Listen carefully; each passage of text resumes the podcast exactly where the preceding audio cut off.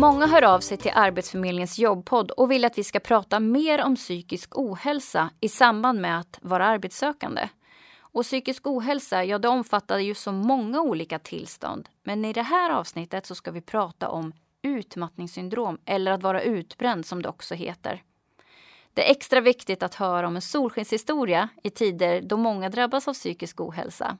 Så därför har jag bjudit hit Sara Hermansson som berättar om sin historia av att ha varit utbränd och som gick in i den berömda väggen. Men hon kommer också berätta om hur hon kom ut ur väggen och hur hennes liv ser ut idag. För hur gör man för att släppa taget om sin jobbidentitet och gå vidare? Hur hittar man en acceptans, ett nytt förhållningssätt som är så centralt för att bli frisk? Måste man byta bransch eller byta jobb helt? Och vad ska man säga på arbetsintervjun om man har varit utbränd? Ja, det är många frågor som dyker upp och som jag hoppas nu att få svar på. Du lyssnar på Arbetsförmedlingens jobbpodd och jag heter Charlotte Lindman. Välkommen hit Sara! Tack så mycket! Du har ju varit i den här berömda väggen, men du har också kommit ut ur den. Ja, det stämmer. Kan du berätta? Ja, vi kan väl börja hur jag hamnade där då. Ja, gärna. Eh, men min bakgrund, jag, jag är ingenjör och eh, har alltid varit väldigt intresserad av både allt vi har gjort i skolan men också jobbet och eh, tyckte det varit jätteroligt att eh, jobba. Um, och lagt alltid väldigt mycket tid på mitt eh, jobb. Och eh, för ja, drygt tre år sedan så uh, märkte jag att jag fick jättesvårt att tänka. Jag fick svårt att prata och formulera mig. Eh, och jag var på jobbet väldigt sent en kväll. Och uh, efter det så helt enkelt efter um, så fick jag gå till läkaren och mm. jag blev sjukskriven för utmattningssyndrom. Och jag trodde inte själv att jag var sjuk förrän kanske tre, fyra månader senare. Utan jag känner mig som en bluff som bara har hittat på att hon har fått utmattningssyndrom bara för hon inte kan tänka ordentligt och är lite trött i huvudet. Mm. Och vad, inte men, vet vad, vad, som händer. händer. Vad är det som gör att det blir så tror du? Att man inte kan se sina egna ja. eh, hinder eller vad det är som gör att man hamnar i den här utan att egentligen förstå. För jag tror inte mm. att du är ensam. Nej, verkligen inte. Jag tror det är just det som är det lite svåra är att eh, man kan inte mäta om man har utmattningssyndrom eller inte. Ingen kan ta ett blodprov på mig och säga att du har jättehöga stressnivåer. De här måste vi sänka. Utan det är ju liksom en blandad invägning av eh, hur ens eh, kropp fungerar och hur ens hjärna fungerar. Och som en högpresterande person som jag var och såklart fortfarande är. Eh, som också tänker att jag klarar allting. Eh, och det är bara köra på så förstår man ju inte heller att utmattningssyndrom är någonting som kan hända en själv. Mm. Utan jag tänkte ju att det händer andra typer av personer. Och andra typer av personer som jag kanske inte ens känner. Mm. Och jag tyckte att jag visste ju inte ens någon heller som hade blivit utmattad eller gått in i väggen. Mm. Så att jag kunde inte relatera till att det faktiskt hände mig själv. Mm. Uh. Man kanske har den här uppfattningen av att det är en viss personlighet som blir utmattad och går in i, i utbränd eller får mm. den här mm. utbrändheten. Uh, men vad har du att säga om det? Är det vissa personligheter eller har det med andra saker att göra? Ja, alltså, jag skulle väl säga så här. Jag trodde att de som blir eh, Eh, utmattade eller går in i väggen är eh, inte mm, tillräckligt stabila. De kanske är lite svaga, känsliga människor. De orkar inte så mycket och sen så blir de belastade helt enkelt eh, mycket mer än andra. Men när man tittar på vilka som faktiskt blir det, inklusive mig själv, så är det egentligen helt tvärtom. Det är ofta personer som vi ser som väldigt högpresterande. De kanske är till och med lite hårdhudade. Man kommer liksom inte alltid in på skalet. De har kanske väldigt mycket självförtroende. Eh, det är full fart framåt. De är väldigt också inkännande, bryr sig om andra, är väldigt hjälpsamma, säger alltid ja, finns alltid till hands. De personerna är i en riskzon för att bli utmattade. Sen betyder inte det bara för att du har en sån personlighet att det kommer hända dig. Men om du kombinerar det med en situation där du kanske jobbar alldeles för mycket och samtidigt händer det saker i ditt privatliv eller du hamnar i fel typ av projekt eller med en chef som inte eh, kan vara ett tillräckligt bra stöd för dig. ja men då kan det gå fel. Så oftast är det en kombination av, vad ska man säga, din personlighet och en miljö du hamnar i. Och så var det i mitt fall. Det är ju både hur jag är som person men också så hamnade jag i en miljö där det fanns alldeles för mycket oklarheter eh, och osäkerheter. Eh, och jag försökte lösa det som vanligt genom att jo men allting går att lösa. Jag, jag gör bara mer och mer och mer. Och till slut så var inte det eh, hållbart längre. Mm. Eh, och eh, jag tror att den här myten att man inte riktigt vet ehm, vem som kan bli utbränd eller sjukskriven gör ju också att det blir pinsamt kan man säga. Man, man känner en enorm skam och det här har jag förstått är väldigt vanligt nu efterhand. Mm. Jag skämdes jättemycket när jag blev eh, utbränd och jag ville aldrig mer visa mig för omvärlden. Mm. För det kan ju inte vara sant. Det, det händer ju inte mig. Det, det är pinsamt att bli utbränd, ja. tyckte jag. Och det, och det krockar ju med den här personligheten av att då kanske vara den här drivande och alltid framåt, komma med idéer och så helt plötsligt så, så funkar inte det. Nej. Men hur, vad var det som gjorde då att du, för du jobbar ju idag och du har, har ju antagligen en väg tillbaka. Mm. Vad var det som var lyckosamt för dig? Jag tror att vägen tillbaka har varit lång eh, och eh, sättet för mig att bli frisk var nummer ett, förstå att jag är sjuk och för, för försöka hantera det som en sjukdom istället för att pracka ner på mig själv som person. Så att vad jag gjorde under många månader efter att jag fått diagnosen var ju att tycka att jag är värdelös som person, jag kommer aldrig kunna jobba igen, Eh, och det här leder ju ofta också in i en depression, vilket det gjorde i mitt fall och i väldigt många andras fall. Eh, men när jag till slut kunde acceptera att, men vänta lite, det här är faktiskt en sjukdom och eh, det kanske är en sjukdom som också man kan bli bättre från. Alltså om man är sjuk så kanske man kan gå åt det friska hållet. Mm. Jag trodde fortfarande inte då att jag kunde bli frisk och jag vet faktiskt inte riktigt hur man ska definiera hur man blir frisk från utmattningssyndrom. Eh, men man kan må mycket bättre ja, och man mm. kan bli friskare. Så när jag började förstå, att jag kan nog bli friskare och började bli friskare, det var då jag fick upp ett väldigt stort eh, hopp igen. Mm. Och en annan stor sak som eh, har med det här att göra var att jag hade ju lagt så mycket tid och energi på mitt jobb och mina prestationer under många år. Så att min identitet var enligt mig själv det jag gör på mitt jobb, det jag presterar. Min identitet var mina prestationer. Eh, och jag fick eh, väldigt bra hjälp från vården. Min eh, läkare på vårdcentralen remitterade mig till en stressrehabklinik. Och där får man gå olika moduler. Och i, i de modulerna så fanns det en som handlade mycket om prestation och självkänsla. Att man, man tror att jag har bara rätt att leva och lätt, rätt att eh, finnas om jag presterar. Mm. Och för mig var det så här, ja det är klart. Men sen började jag förstå att nej, det behöver faktiskt inte vara så. Jag har rätt att leva och finnas och bli älskad utan att alltid behöva mm, prestera. Och det har varit en stor knäckfråga för mig. Jag tror alla har sina egna knäckfrågor i sin egen personlighet som man måste hitta och, och lösa. Men när jag förstod det förstod jag också att jag behöver skapa mig en sund identitet till mitt jobb och ett nytt förhållningssätt till mitt jobb. Det betyder inte att jag aldrig kommer kunna jobba igen. Det betyder inte att jag aldrig får älska mitt jobb igen. Men det betyder att när jag nu tänker på mig själv som person, vem är Sara?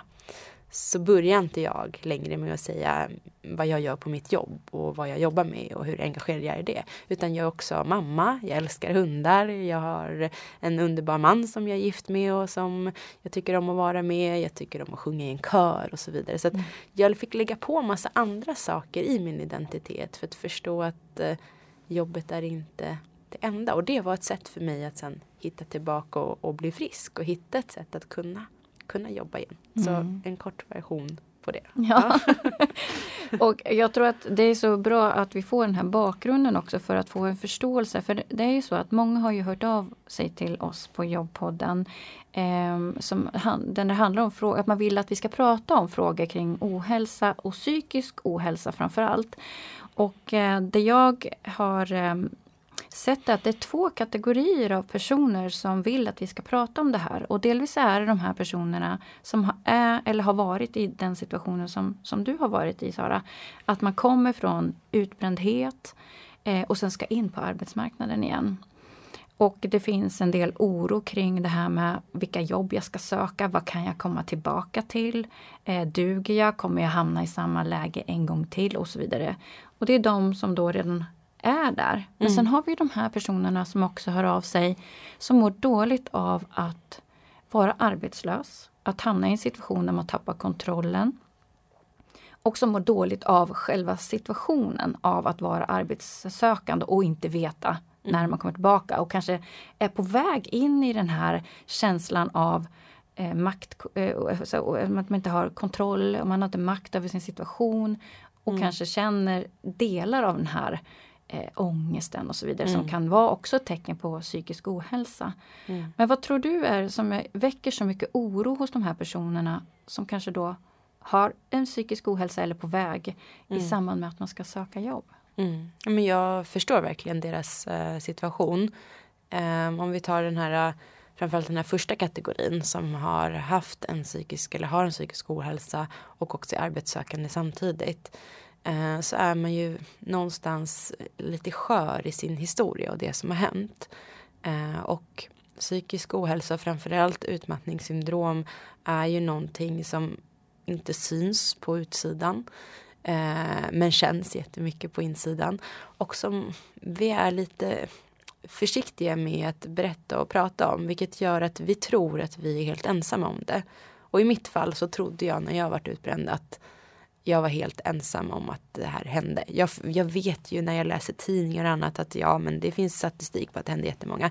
Men jag kände ingen. Jag kände ingen liksom, vän eller familjemedlem som det hade hänt eh, eller kollega. Utan jag tänkte att jag är den enda högpresterande ingenjören som blir utbränd och jag är ett misslyckat fall. Och den här ensamheten gör att man tänker ju att um, ingen annan kommer riktigt förstå. Man vill inte ta upp det. Det, det känns kanske pinsamt. Uh, så det tror jag är en viktig del i en så här tillfrisknande process. Att dels förstå att du är inte ensam, långt ifrån. Och en annan del är också att um, du måste vara snäll mot dig själv och acceptera att du har faktiskt haft en sjukdom. Uh, och du har också troligtvis lyckats bli friskare ifrån den eftersom du nu är i en arbetssökande situation. Och vända det lite till en, en styrka. För det är skitsvårt att ta sig ur de där mörka eh, stunderna. Eh, och all eloge till eh, de som blir friskare och, och gör det. Det är verkligen jättehäftigt. Och jag själv eh, valde ju egentligen att eh, vara öppen med att jag hade varit utbränd. Vilket i början var superläskigt. Mm. Det började med att jag kanske berättade det för en, en vän eller en kollega. Um, och sen så liksom blev det lite mer vanligt att jag ändå eh, vågade säga att det hade hänt mig och att jag varit sjukskriven för utmattning. Sen så när jag började göra det märkte jag hur många som kunde relatera till det. De kanske inte själva hade varit utbrända. En del hade till och med. Men de hade kanske en syster eller en vän eller en kollega som det hade hänt. Och de berättade det för mig. Så i och med att jag öppnade upp mig och vi vågade vara sårbara och säga att det här hände mig eh, och nu mår jag bättre och är friskare. Så hade de jättehäftiga historier att dela med sig av. Och det var mm. då en tanke väcktes till att starta den podden som jag eh, håller i idag. Eh, Ut ur väggen heter vår podd. Och vi pratar just om vägen tillbaka. Eh, från att man har gått in i väggen och hur hittar man tillbaka till livet. Och vi brukar inte säga egentligen tillbaka utan podden heter Ut ur väggen och vidare i livet. För du vill inte tillbaka. Du vill inte tillbaks till den situation du var i innan. Du vill inte tillbaka till det sättet du levde på tidigare. Du är fortfarande samma person, du har samma fina personlighet. Men för att bli frisk måste du hitta eh, ett ny, en ny väg och ett nytt sätt att leva. Mm. Så om man ska gå tillbaks till eh, den här oron som man sitter på när man ska ge sig ut. Eh, reflektera lite över Eh, på vilket sätt kan du beskriva för någon vad som har hänt dig? Och på vilket sätt har det faktiskt eh, gett dig någonting positivt också ur allt det här negativa? Och, jag har hittat jättemycket styrka i det som hänt mig. Och konstigt nog så ångrar jag inte att jag blev utbränd. Mm. Det är jättehemskt och jag önskar inte ens min värsta fiende att behöva gå igenom det jag gjorde. Men i efterhand så förstår jag att alla lärdomar jag har fått om mig själv, hur jag vill leva mitt liv, vad jag tycker är viktigt i livet, vad jag mår bra av. De hade jag aldrig kunnat få om jag inte liksom varit hela vägen nere på botten. Mm. Eh, och jag är säker på att de här personerna som har varit i en utbrändhet och nu är arbetssökande har också gjort sådana här lärdomar och findings. Och det är enorma eh, styrkor som jag tycker man ska reflektera lite över. Och till och med man kan lyfta fram dem i, i en arbetsintervju. Ja, för jag tänkte fråga det, för det är också frågor som vi får. Det här med hur man då ska eh, berätta. För du sa att det är viktigt att man berättar, att man kan mm. sätta ord på eh, att man kanske då har haft utmattningssyndrom eller varit utbränd eller eh, och att den frågan kommer ju alltid, nästan alltid på när vi har olika webbinarier eller även som frågor in till podden. Ska jag berätta på en mm. arbetsintervju? Vad ska jag säga? Eller mer oron, vad, vad händer om jag får frågan? Mm. Hur öppen ska jag vara? Jag förstår. Ja, vad tycker du? Men jag kan väl ge råd ur tre perspektiv. Ett, jag har varit där själv. Att man sitter framför en chef och måste välja. Ska jag berätta om jag var utbränd eller inte? Och i alla fall i alla fall för mig har jag valt att, att göra det. Eh, den andra är väl situationen att jag också varit en eh, chef som har rekryterat. Eh, och i alla de fall där jag har haft en kandidat som har vågat berätta för mig att de varit utbrända har jag verkligen uppskattat det. För det beskriver personen så mycket mer. Och i alla de fallen där kandidaten har vågat berätta det för mig så har inte det skälpt den på något sätt. Utan jag känner att jag har fått en bättre bild av dem som person. Och det har på något sätt inte gjort att jag har tänkt bort dem mer än vad jag gjorde innan. Snarare tvärtom så vet jag att hmm, de har en ganska hög självkännedom troligtvis då. De vet var deras gräns går. De har fått med sig väldigt mycket lärdomar på det. Så jag har som rekryterande chef aldrig sett det som någonting eh, negativt. Och ur det tredje perspektivet så har jag också jobbat med rekrytering de senaste två åren. Och samma sak där, när, när någon eh, tar upp det så kan det ju också förklara saker. Så jag kan ju ta mitt exempel så har ju jag liksom gått från att ha eh, först ingenjörsroller och sen chefsroller med ganska mycket ansvar till att bli rekryterare på CVt. Och det är en väldigt ovanligt hopp att göra. Och om jag bara sa, nej men jag känner för att testa på rekrytering på en arbetsintervju. Då kanske den som intervjuar mig inte riktigt förstår. Jaha, ja okej. Okay. Mm. Men i och med att jag berättar vad som har hänt. Det här hände mig. Jag har varit eh, sjukskriven och utbränd för att jag jobbade för mycket. I min stressrehabprocess så insåg jag att jag vill gärna fortsätta på samma arbetsplats men med någonting lite annorlunda. Jag vill känna mig fortfarande bekväm med vad jag gör. Eh, men jag vill inte liksom gå tillbaka till exakt samma avdelning och samma personer jag jobbar med innan. Det blir för känsligt. Och då hittade jag rekrytering som ett sätt att liksom, rehabba mig upp igen. Och sen så trivdes jag väldigt bra med det. Mm. Det förklarar ju så mycket. Oh ja. eh, och det är det här jag menar att man måste hitta sitt sätt att beskriva vad som har hänt och det är väldigt känsligt. Man kanske ska börja med att testa att beskriva det för sin närmsta partner eller sin vän. Vad har faktiskt hänt mig? Liksom. Jag blev sjuk, nu har jag kanske gjort någon form av rehab, jag mår bättre, nu är jag i den här situationen och det har lett till det här och det här. Mm. Så jag tycker att man absolut ska berätta det på en intervju. Och man ska hitta ett sätt att berätta det så att man förstår vad man har behövt gå igenom och vad man kom ut till på andra, andra sidan. För någonstans har man faktiskt inte gått tillbaka utan man har tagit sig vidare. Och det är ett jättestort steg att göra. Precis, och jag tänker just på det här du sa att man ska sätta ord på allting. Och om man då har eh, berättat det här för någon som man känner redan, då har man ju satt ord på det och mm. kanske också i den här beskrivningen av vilka styrkor man har hittat. Och om man då har gjort det några gånger, ja, då blir det ju inte lika läskigt eller man ska säga i en arbetsintervjusituation. Exakt. För du har redan, då är du liksom säker på din situation ja. över vad du ska säga. Ja. Istället för att hamna i den här Gud vad ska jag säga, kanske bara, jag säger bara lite grann eller att man mörkar vissa delar. Ja. Medan egentligen som i ditt fall, du som då har som är då rekryterande chef säger att ja men det kan ju vara en styrka också. Ja, och det kanske inte många tänker på. Nej jag tror inte man alltid ser på det ur det perspektivet. Man är nog rädd att bli bortvald för de tänker att aha, men den här personen är ingen vi kan pressa och lägga på massa jobb och göra sådana saker. Men helt ärligt, om du är på en intervju, berättar det här för en chef och de sen inte vill ge dig jobbet på grund av det här. Så kan jag lova dig att det är inte en arbetsplats du vill vara på ändå. Och någonstans har du gjort dig själv en tjänst genom att berätta. För att då vet du att det kommer liksom gallras. Så att du kommer hitta arbetsplatsen som också är bra för dig. Där du får vara öppen och vara vad den du är. Men det är jättebra som du säger för att det är ett väldigt känsligt ämne.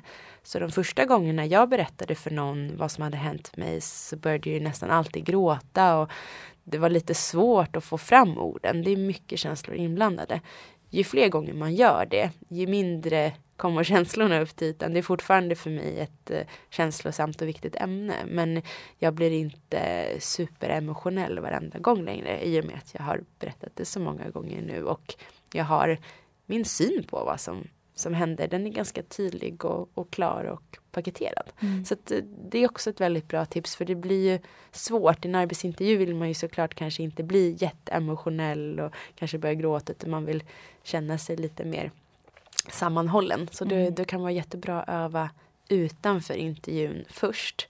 Eh, men var inte rädd för att frågan kommer komma. Var inte rädd för att berätta.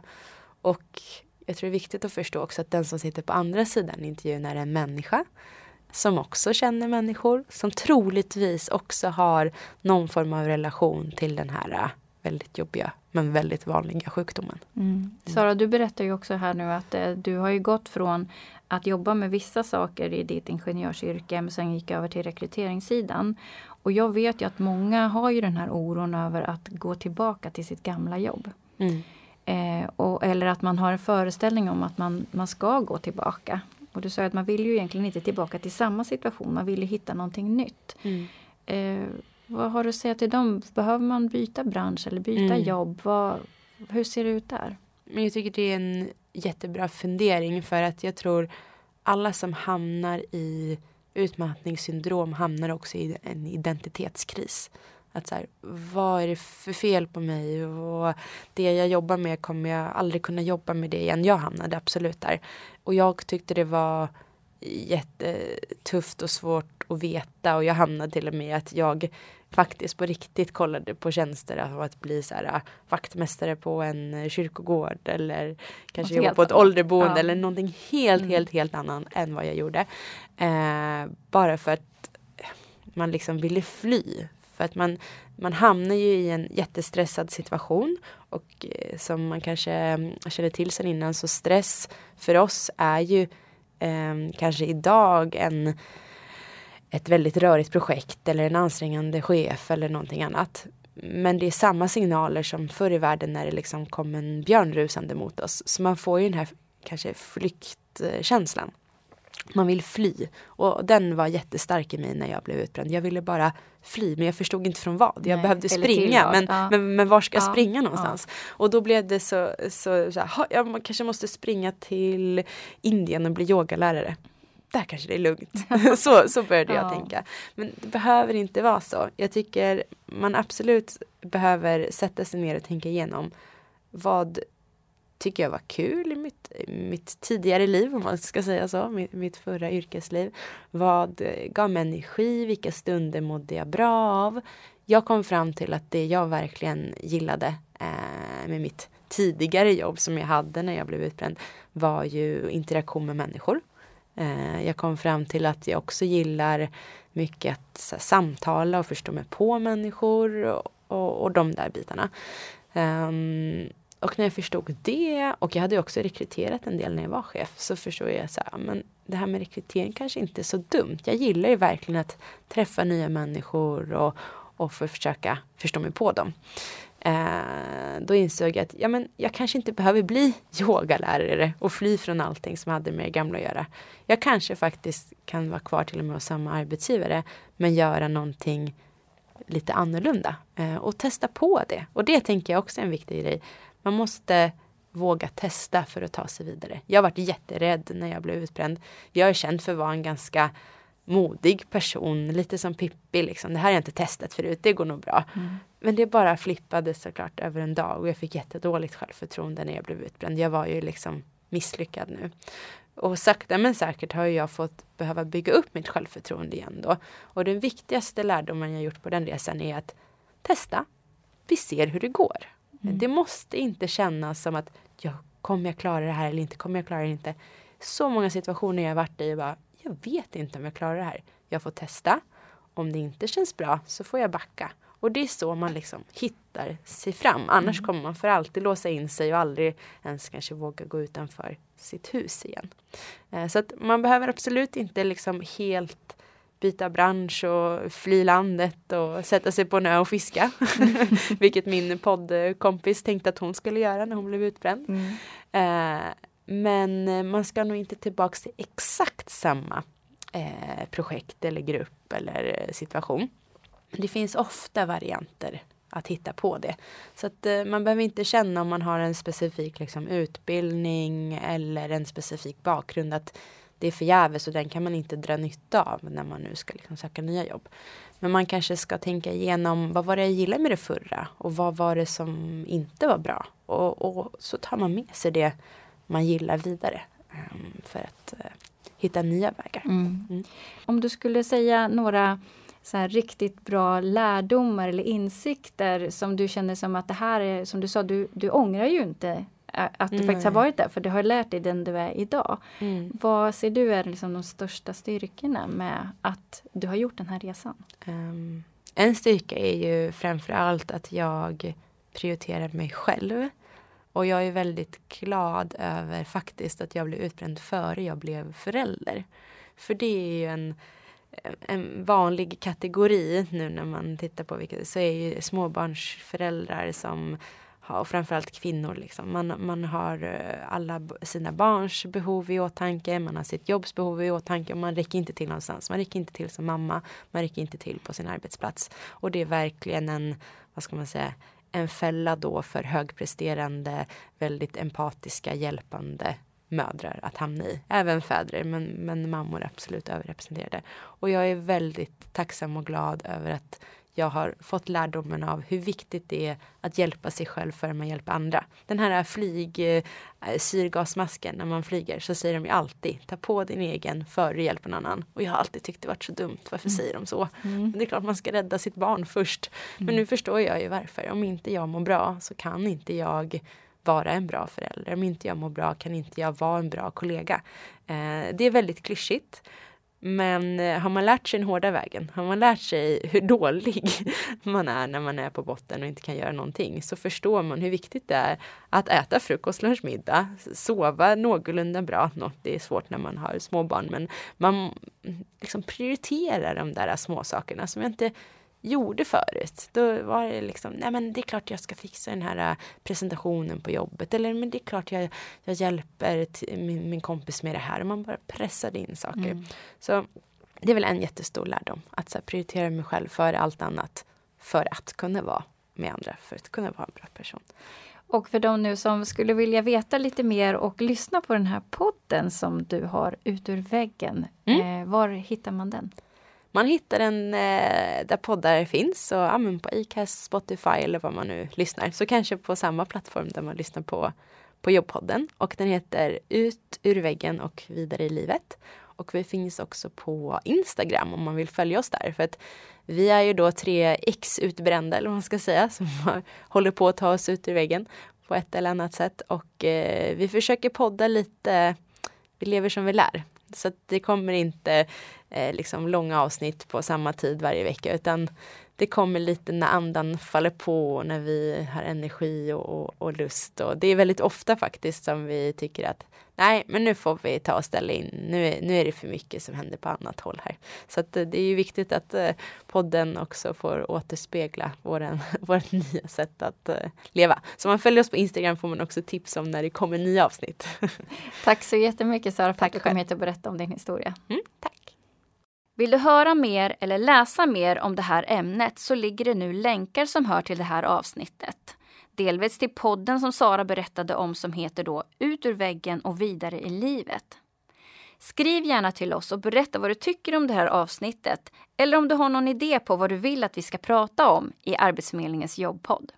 Du har lyssnat på Arbetsförmedlingens jobbpodd med Sara Hermansson och med mig Charlotte Lindman. Tekniker det var Roger Svanell och det här avsnittet det producerades i oktober 2020. Vi hörs!